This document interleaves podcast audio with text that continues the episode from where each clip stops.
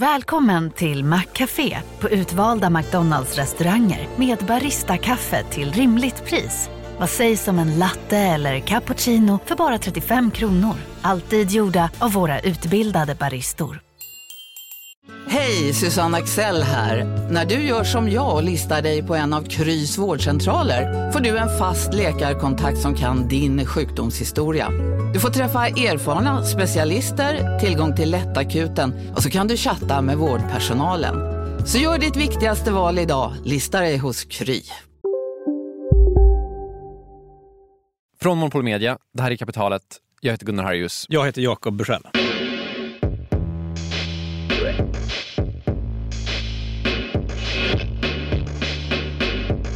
Ryssland.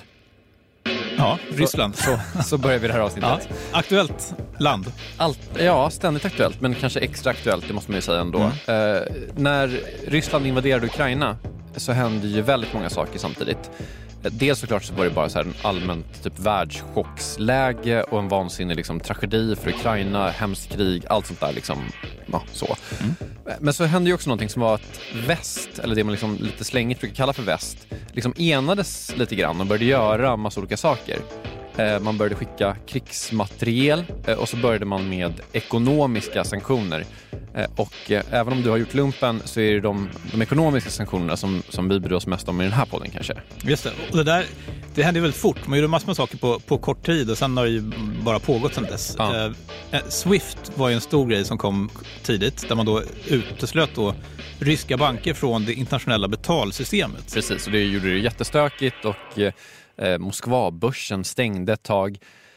Och sen så hände också det som vi ska prata om idag, eh, som var att rubeln, alltså den ryska valutan, störtdök. Jämfört med kronan, ett tapp från drygt 10 till 6,5 och då är ju inte kronan någon liksom, pangvaluta heller. Ska Nej. sägas. Nej. Kan man säga. Så, och, och sen gjorde ju Ruben bara en jätteotrolig comeback. Ja, eh, Ryssland införde massa kapitalkontroller bland annat. Man fick inte flytta pengar ut ur landet hur som helst. Och sen så fortsatte, surprise surprise, olja och gas vara en grej. Eh, så att rubeln blev under 2022 den valuta med starkast utveckling rent värdemässigt. Just det. Och sen var det kanske inte jättemånga ryssar som tjänade så mycket pengar på den här värdeökningen. Nej, verkligen. Eh, De här valutakontrollerna gjorde ju att det i princip var omöjligt att liksom sälja av eventuella rubel man hade och sådär. Men Vladimir Putin, han var riktigt stolt. Han skröt om rubelns värde. Han kallade andra valutor för fiendevalutor. Och eh, den eh, tidigare svaga kursen beskrev han som ett resultat av ett angrepp. Alltså han pratade liksom så krigsmetaforer och sådär. Men sen då, nu så är vi tillbaka. Ruben har kraschat igen. Men frågan som jag liksom undrar över lite grann är, spelar det här någon roll? Alltså Ryssland har ju liksom stängt dörren mot väst. Spelar det verkligen någon roll vad en rubel är värd i kronor? För att förstå den här situationen och för att förstå typ Ryssland så kan det vara en bra poäng att blicka tillbaka lite i historien. För grejen är att den här situationen, de här mönstren, de har funnits tidigare. Så att kanske ska man prata med en historiker till och med. Kanske till och med med en historiker som skrivit en bok som berättar historien om Ryssland genom att berätta historien om Ruben. Kanske, försöker jag säga, ska man prata med Jekaterina Pravilova. I teach Russian imperial history at Princeton University. För Jekaterina så började det här med att hon undersökte massa olika saker som var kopplade till förfalskning under tsartiden. And then at some point, I realized that the biggest problem of the 19th century of the Russian Empire was not that the money was counterfeited, but the money itself was there's something wrong with the Russian currency, and the, the society was very worried that uh, the currency itself was not authentic.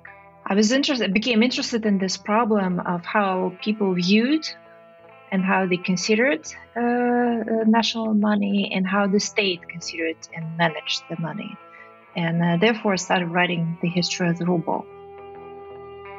Och när hon tittade på rubeln och dess historia så insåg hon att rubeln som förstoringsglas är ett utmärkt sätt att förstå vad som händer i Ryssland idag.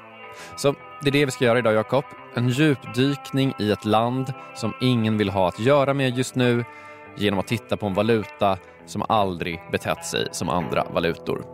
Efter det här.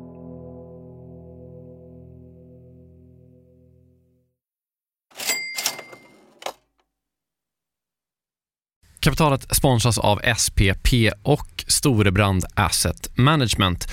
Eh, Storebrand och SPP hör ju ihop sedan många år och utan att gå in på några detaljer här och nu så kan vi i alla fall säga att eh, Storebrand förvaltar över 1200 miljarder kronor bland annat åt just SPP.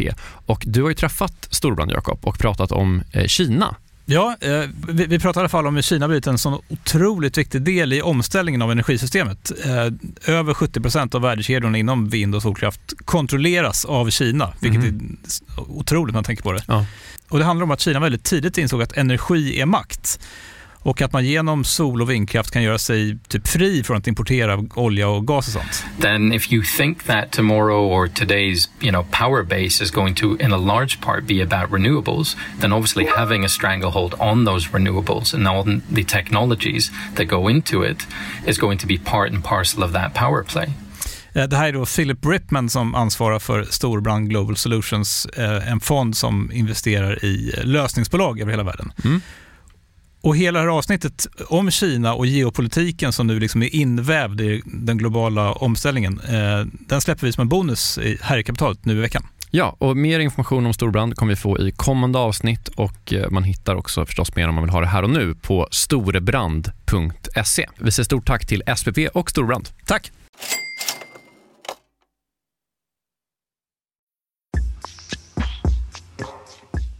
Så rubeln Ganska svårt ord att säga, ja. men jag jobbar på det. Rysslands valuta är det jag pratar om. Eh, och det är dagens ämne. Eh, Jekaterina Pravilova är vår guide och spelplatsen, det vi ska undersöka med hennes och rubelns hjälp, är då Ryssland. Och, och målet är att vi vill förstå vår samtid lite bättre? Ja, eh, för det som händer med rubeln nu har hänt förr, typ. Och ska man summera allt det här i en mening så är det typ så här. Rubeln är inte riktigt som andra valutor. Den har använts och används fortfarande som ett prestigeprojekt och som ett politiskt vapen. Man kan börja den här historien på massa ställen, eh, men ska man berätta historien om den liksom hyfsat moderna rubeln eh, så är ett bra ställe med Katarina den andra, mer känd som eh, Katarina den stora.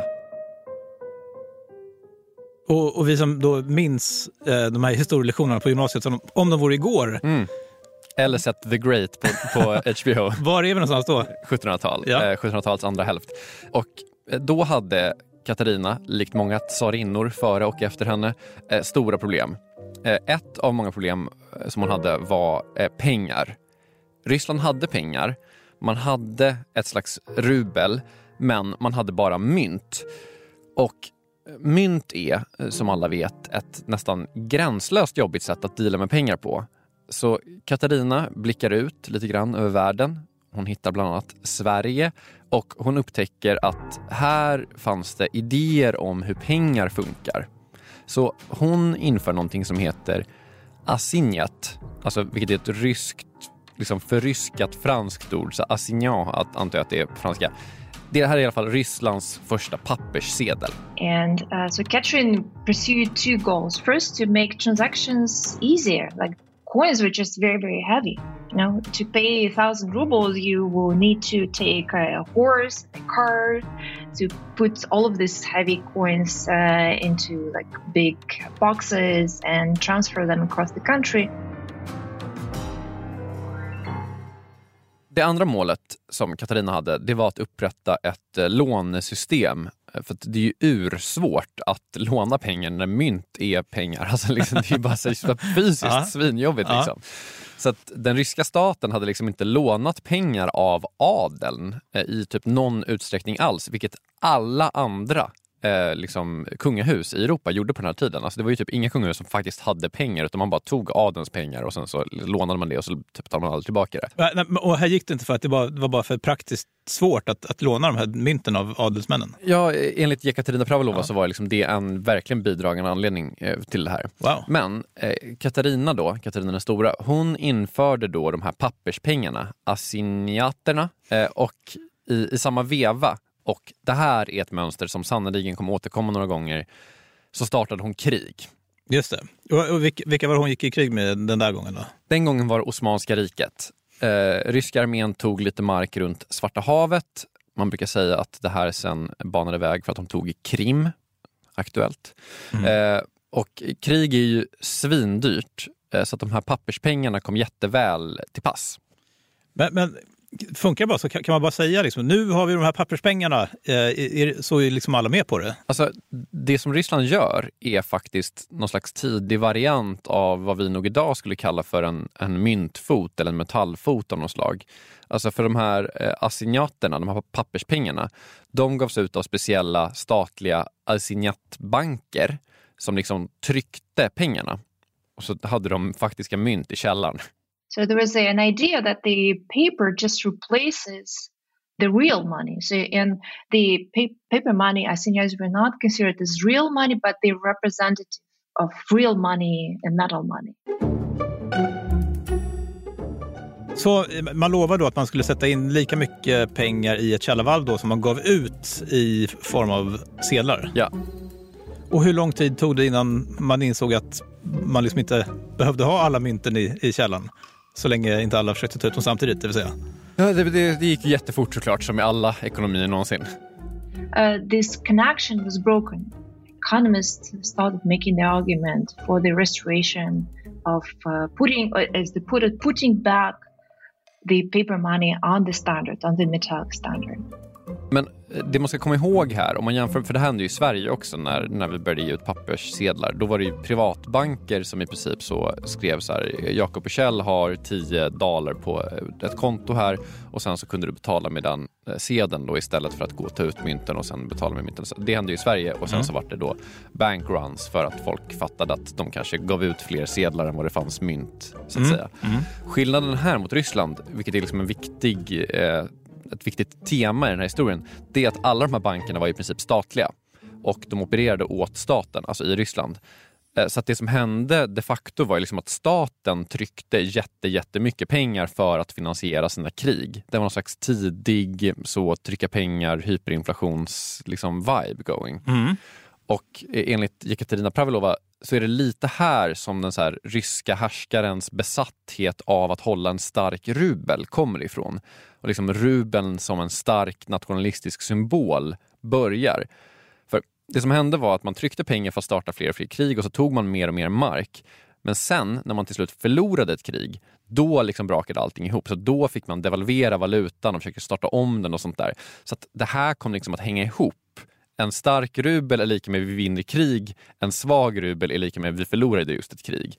Så att det här gjorde också att eh, alla eh, tsarens politiska motståndare kom också vara så här, nu har ni fuckat upp, rubeln är vårt allt. Man använde liksom rubelkursen och rubelns typ så här styrka som politiska argument mot eh, de ryska härskarna också. Och det, det kan också finnas någon machogrej här också, eller? Jag tänker bara att det, det är coolt med en stark valuta, att man tänkte på det på det sättet. Verkligen, ja, ja. Och, och det kommer ju, vara- det kommer ju bli så att liksom, typ rubelkursen eller rubelns styrka var liksom på samma sätt, det var någon sån, vad är det de har i USA, så här, approval rates för, för presidenten. Ja, just det. Ja. Alltså, det var lite samma sak. Typ. Ja. Okej, vad, hände med rubeln då? Ja, men det som hände när man förlorade kriget och var tvungen att devalvera, det var att man ett tag hade två rublar. ett, eh, liksom en myntrubel och en pappersrubel. Eh, men pappersrubeln hade bara 25 procent av köpkraften. Så man ersatte sen pappersrubeln med en annan pappersrubel som var kopplad till silver. Sen kollapsade den och den då kollapsade då liksom för att folk typ inte litade på att papper var pengar. Lite det här du var inne på, liksom med så här, hur lätt är det egentligen att byta till en till ett pappersmynt typ, eller papperssedlar. Man, man tänker inte på hur mycket lidande och vilka ve- vedermödor som ligger bakom det ekonomiska systemet. Alltså vilka, vilka experiment man har gjort. Nej men exakt, och det är också lite sjukt att tänka sig typ så här, idag när i princip alla pengar är papper, eller de är inte ens papper. Nej. Och de är absolut inte guld eller silver eller någonting. Alltså den här svängningen från att pengar var någonting till att pengar inte är någonting. Alltså det är nästan omöjligt att tänka sig tycker jag. Mm, verkligen. Men där och då när det hände så var det såklart en, en enorm grej. Och Ruben eh, förblev oväxlingsbar, alltså inconvertible. Alltså man kunde inte alltid växla in den mot mynt eller metall. Eh, och direkt så blev det här liksom något sånt liksom politiskt spel. The specificity of the Russian case uh, was in the fact that Russians considered inconvertibility through political lens. They considered this is not just a financial problem, but is a political problem.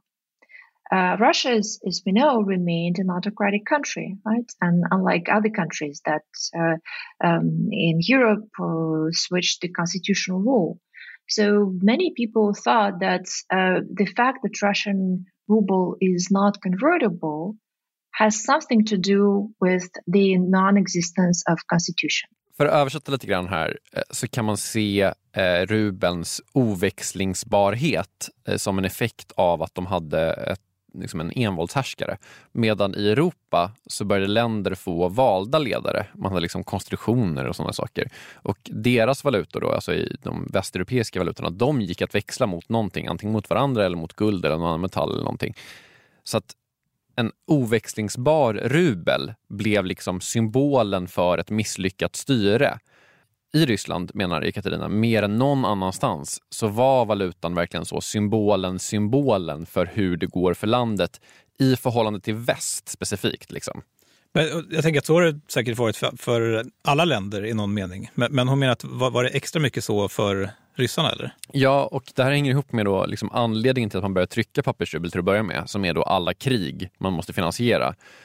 Alltså, det här blev jättetydligt när Ryssland ockuperade Polen eller Finland och eh, Polen eller Finland till slut försöker ersätta rubeln med mark eller zloty så är det så här jättemisslyckande för eh, Ryssland. Att så här, det är liksom ett ekonomiskt nederlag. Just det. Man ville att de skulle ha rubeln för det är liksom, de har ryska symboler men det är också liksom ett, ett fysiskt medel för att utöva makt på något sätt. Alltså så här, man kan kontrollera penningmängden, man tar in skatt i rubel. Det är ju på något sätt typ så här, att det är liksom ryska sedlar i en stad är ju på något sätt så ett medborgarskap som, Mm. man, som så staten förser en med på något Mm, sätt. verkligen. Så att liksom rubeln har liksom varit ett maktvapen genom hela den ryska historien. Men när det objektivt sett är en skitvaluta som det inte går att växla någonting mot, då har man liksom problem. Precis som man har i, idag då. Men det man gjorde på 1800-talet, som är lite genialt måste jag säga, det är att man tog den här liksom negativa egenskapen, att rubeln inte går att växla, och så försökte man göra det till någonting positivt. So it became, interestingly enough, and, and perhaps even bizarre, this inconvertibility of Russian ruble for some nationalists was a matter of pride that Russia is different. It doesn't have to follow all of these stupid laws of political economy that had been invented by liberal economists for Western societies. So it became a matter of Russian specificity, not something to be embarrassed of, but to be proud of. So there's there was this argument. Men eh, Ryssland ska faktiskt skaffa sig en växlingsbar valuta och man ska faktiskt anta en guldmyntfot. Men inte ens då ska man göra det som alla andra. Mer rysk exceptionalism och hur det kan förklara vad som händer nu efter det här.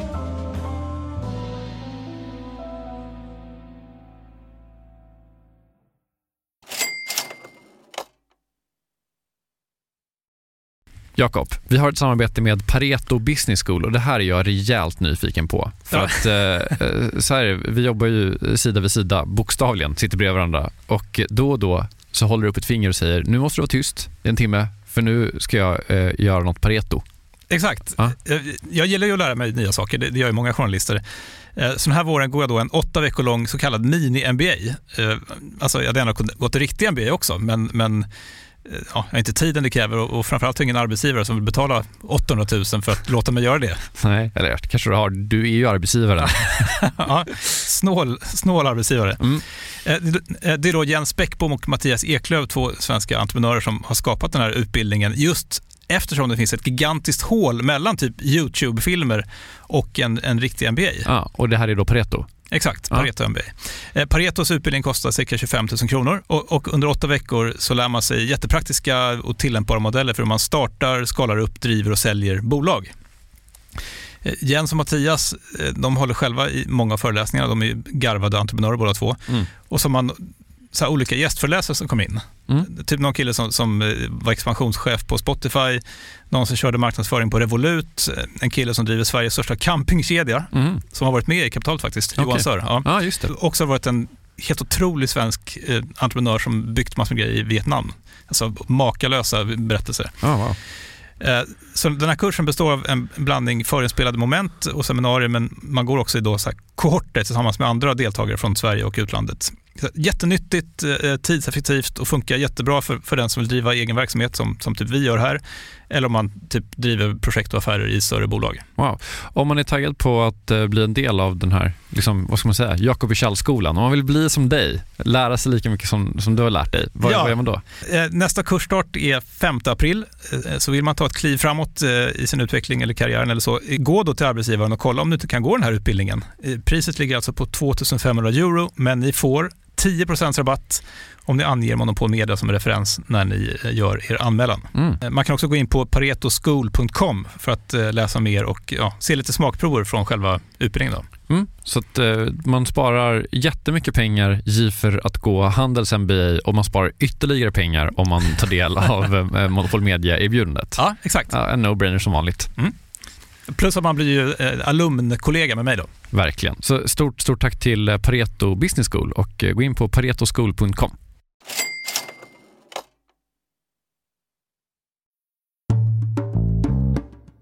Så, vi gör ett försök att förklara rysk historia genom att förklara rubelns historia och vi gör det med Jekaterina Pravilova. Mm. Och vi har lärt oss då att Ryssland historiskt sett har använt sin valuta som ett slags politiskt projekt eh, där man då ska särskilja sig från väst. Eh, bland annat genom att vara en envåldshärskarstat. Ja, precis. Eh, bland annat genom att låta staten egentligen vara den part som liksom dealar med pengar. Den enda part som dealar med pengar. Och hela Rubens historia, från Katarina den stora fram till 1800-talets slut, har egentligen handlat om typ växlingsbarhet. Vad går det att växla Ruben mot? Och man kan väl summera det här lite som en ideologisk kamp där de mer så västtillvända vill kunna växla rubel mot västerländska valutor men också att rubeln ska funka som en västerländsk valuta med guldmyntfot och så.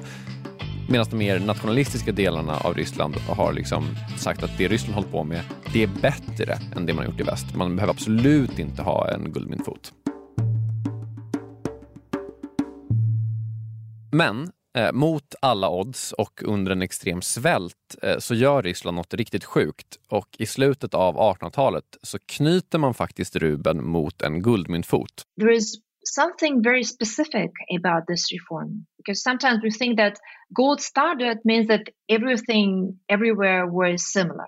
In financial terms, yes. So Russian ruble could be now exchanged to uh, other European currencies that were also based on, on the same uh, gold foundation. But politically, Russian gold standard was very different from European gold standard because it was an autocratic standard. Så att om man jämför med de flesta andra länder där centralbankerna har liksom haft någon slags självständighet, eh, så var det inte i Ryssland. But in the Russian case, the state bank was essentially a part of the Ministry of Finance, a part of the government. It was totally 100% controlled by the government. So, uh, although they, they show that the gold standard in Russia was a symbolic reform that Russia entered or joined the club of uh, civilized nations, in terms of politics, Uh, Russian gold standard remained very, very different from uh, the gold standard regimes all across Europe and, and the world. Och eh, grejen var också att på grund av allt det här, på grund av att bankerna styrdes helt av staten, så var liksom hela valutans vad ska man säga, trovärdighet eh, backad av vilken regim som just då styrde. Och eh, i slutet av 1800-talet och i början av 1900-talet så är det väl inte jätteöverdrivet att säga att tsarväldets ställning var sådär. Nej. Så att eh, det de gjorde då för att backa upp förtroendet för Ruben, och det här är svinintressant tycker jag, det var att de byggde upp en helt enorm guldreserv större än något annat lands guldreserv. För att en guldmyntfot funkar liksom att man, man har typ ett valv fyllt med guld. Ja, du kanske kan förklara? Mm. Ja, då, då, då, knyter man värdet på, på sitt lands valuta till eh, guldpriset ja. med, med, en fast växelkurs. Och, så att, ja. och sen använder man hur mycket guld man har för att typ så säkra guldpriset på något sätt. Ja. ja. Och Ryssland hade ju då hur mycket guld som helst. Eh, och det gjorde man då för att liksom kompensera för den svaga politiska ställningen som man hade Eh, i och med att tsarväldet var på väg att, att typ gå under. Så det de gjorde eh, det var att Ryssland lånade pengar av europeiska länder för att köpa guld så att deras guldreserv kunde bli större. Så att europeiska länder skulle kunna låna mer pengar till dem så att de kunde köpa guld för det så att de skulle få, kunna få nya lån så de kunde köpa mer guld och så bara fyllde de det här guldvalvet mer och mer och mer och mer. Det låter som det kan sluta dåligt. ja, och, och, det gör det då såklart. Eh, efter ryska revolutionen då så kommer det nya kommunistiska väldet och de säger helt enkelt att alla de här lånen som tsarväldet har tagit, de är bara liksom ogiltiga nu. Mm, det var de som lånade. Ja. ja. Men sen då under kommunisttiden eh, så fortsatte ryska rubeln vara ett sånt så här mega prestigeprojekt eh, samtidigt som man försvagade den på vissa sätt genom att hela tiden bedriva krig. Eh, så att den här processen som vi sett under liksom från 1700-talet och framåt, den bara upprepar sig igen och igen och igen. Man har officiellt en guldmyntfot, eh, även om det inte var någon som typ trodde på den.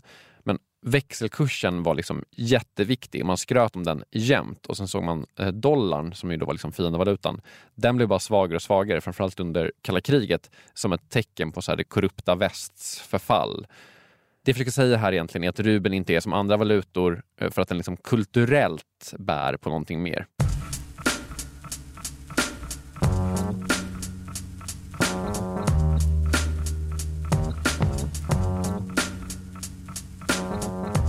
Eh, om man kommer fram till nutid då, på, på vilket sätt tycker Jekaterina att eh, den här situationen som vi har idag kan förklaras av Rubens historia? Alltså, det är klart att ett lands historia alltid påverkar nutiden, men, men lite mer specifikt då, om man ser på det som händer idag. Government now uses the rhetoric which is very similar to the rhetoric of the 19th century monarchy. Um, it still looks at Russian uh, national currency as a political institution, but also is something that is tied to the prestige of, of the country and the prestige um, of, of the ruler. Det hon säger är någonstans att, att Ryssland fortfarande ser Ruben som det här prestigeprojektet, som liksom det här beviset på att landet är överlägset och att Putin hela tiden pratar om Rubens värde i krigsrubriker och med krigsmetaforer precis som, som alla hans föregångare i princip. Um, the similarity is also visible in a way of how the government and the regime prioritize um, its geopolitical goals and its uh, military goals over uh, domestic uh, economic and social goals. And of course, what we see now is uh, uh, uh, like all of these resources are uh, channeled towards this the, the this horrible aggress, aggressive war um, against Ukraine, and the um, ruble is again in complete isolation. It turned into the currency that only exists within the borders of, of one country, it, it is again inconvertible. Uh, we can see on, on the web page of, of I don't know, the uh, still some rates of exchange, but they don't mean anything because um, you cannot, if I go to the bank here in Berlin and try to exchange my rubles for any other currencies, um, people will show me the door because uh, ruble remains un- inconvertible again. And uh, of course, uh, this uh, this factor is politically and culturally and ideologically um, plays a significant role as well as it played in the 19th century.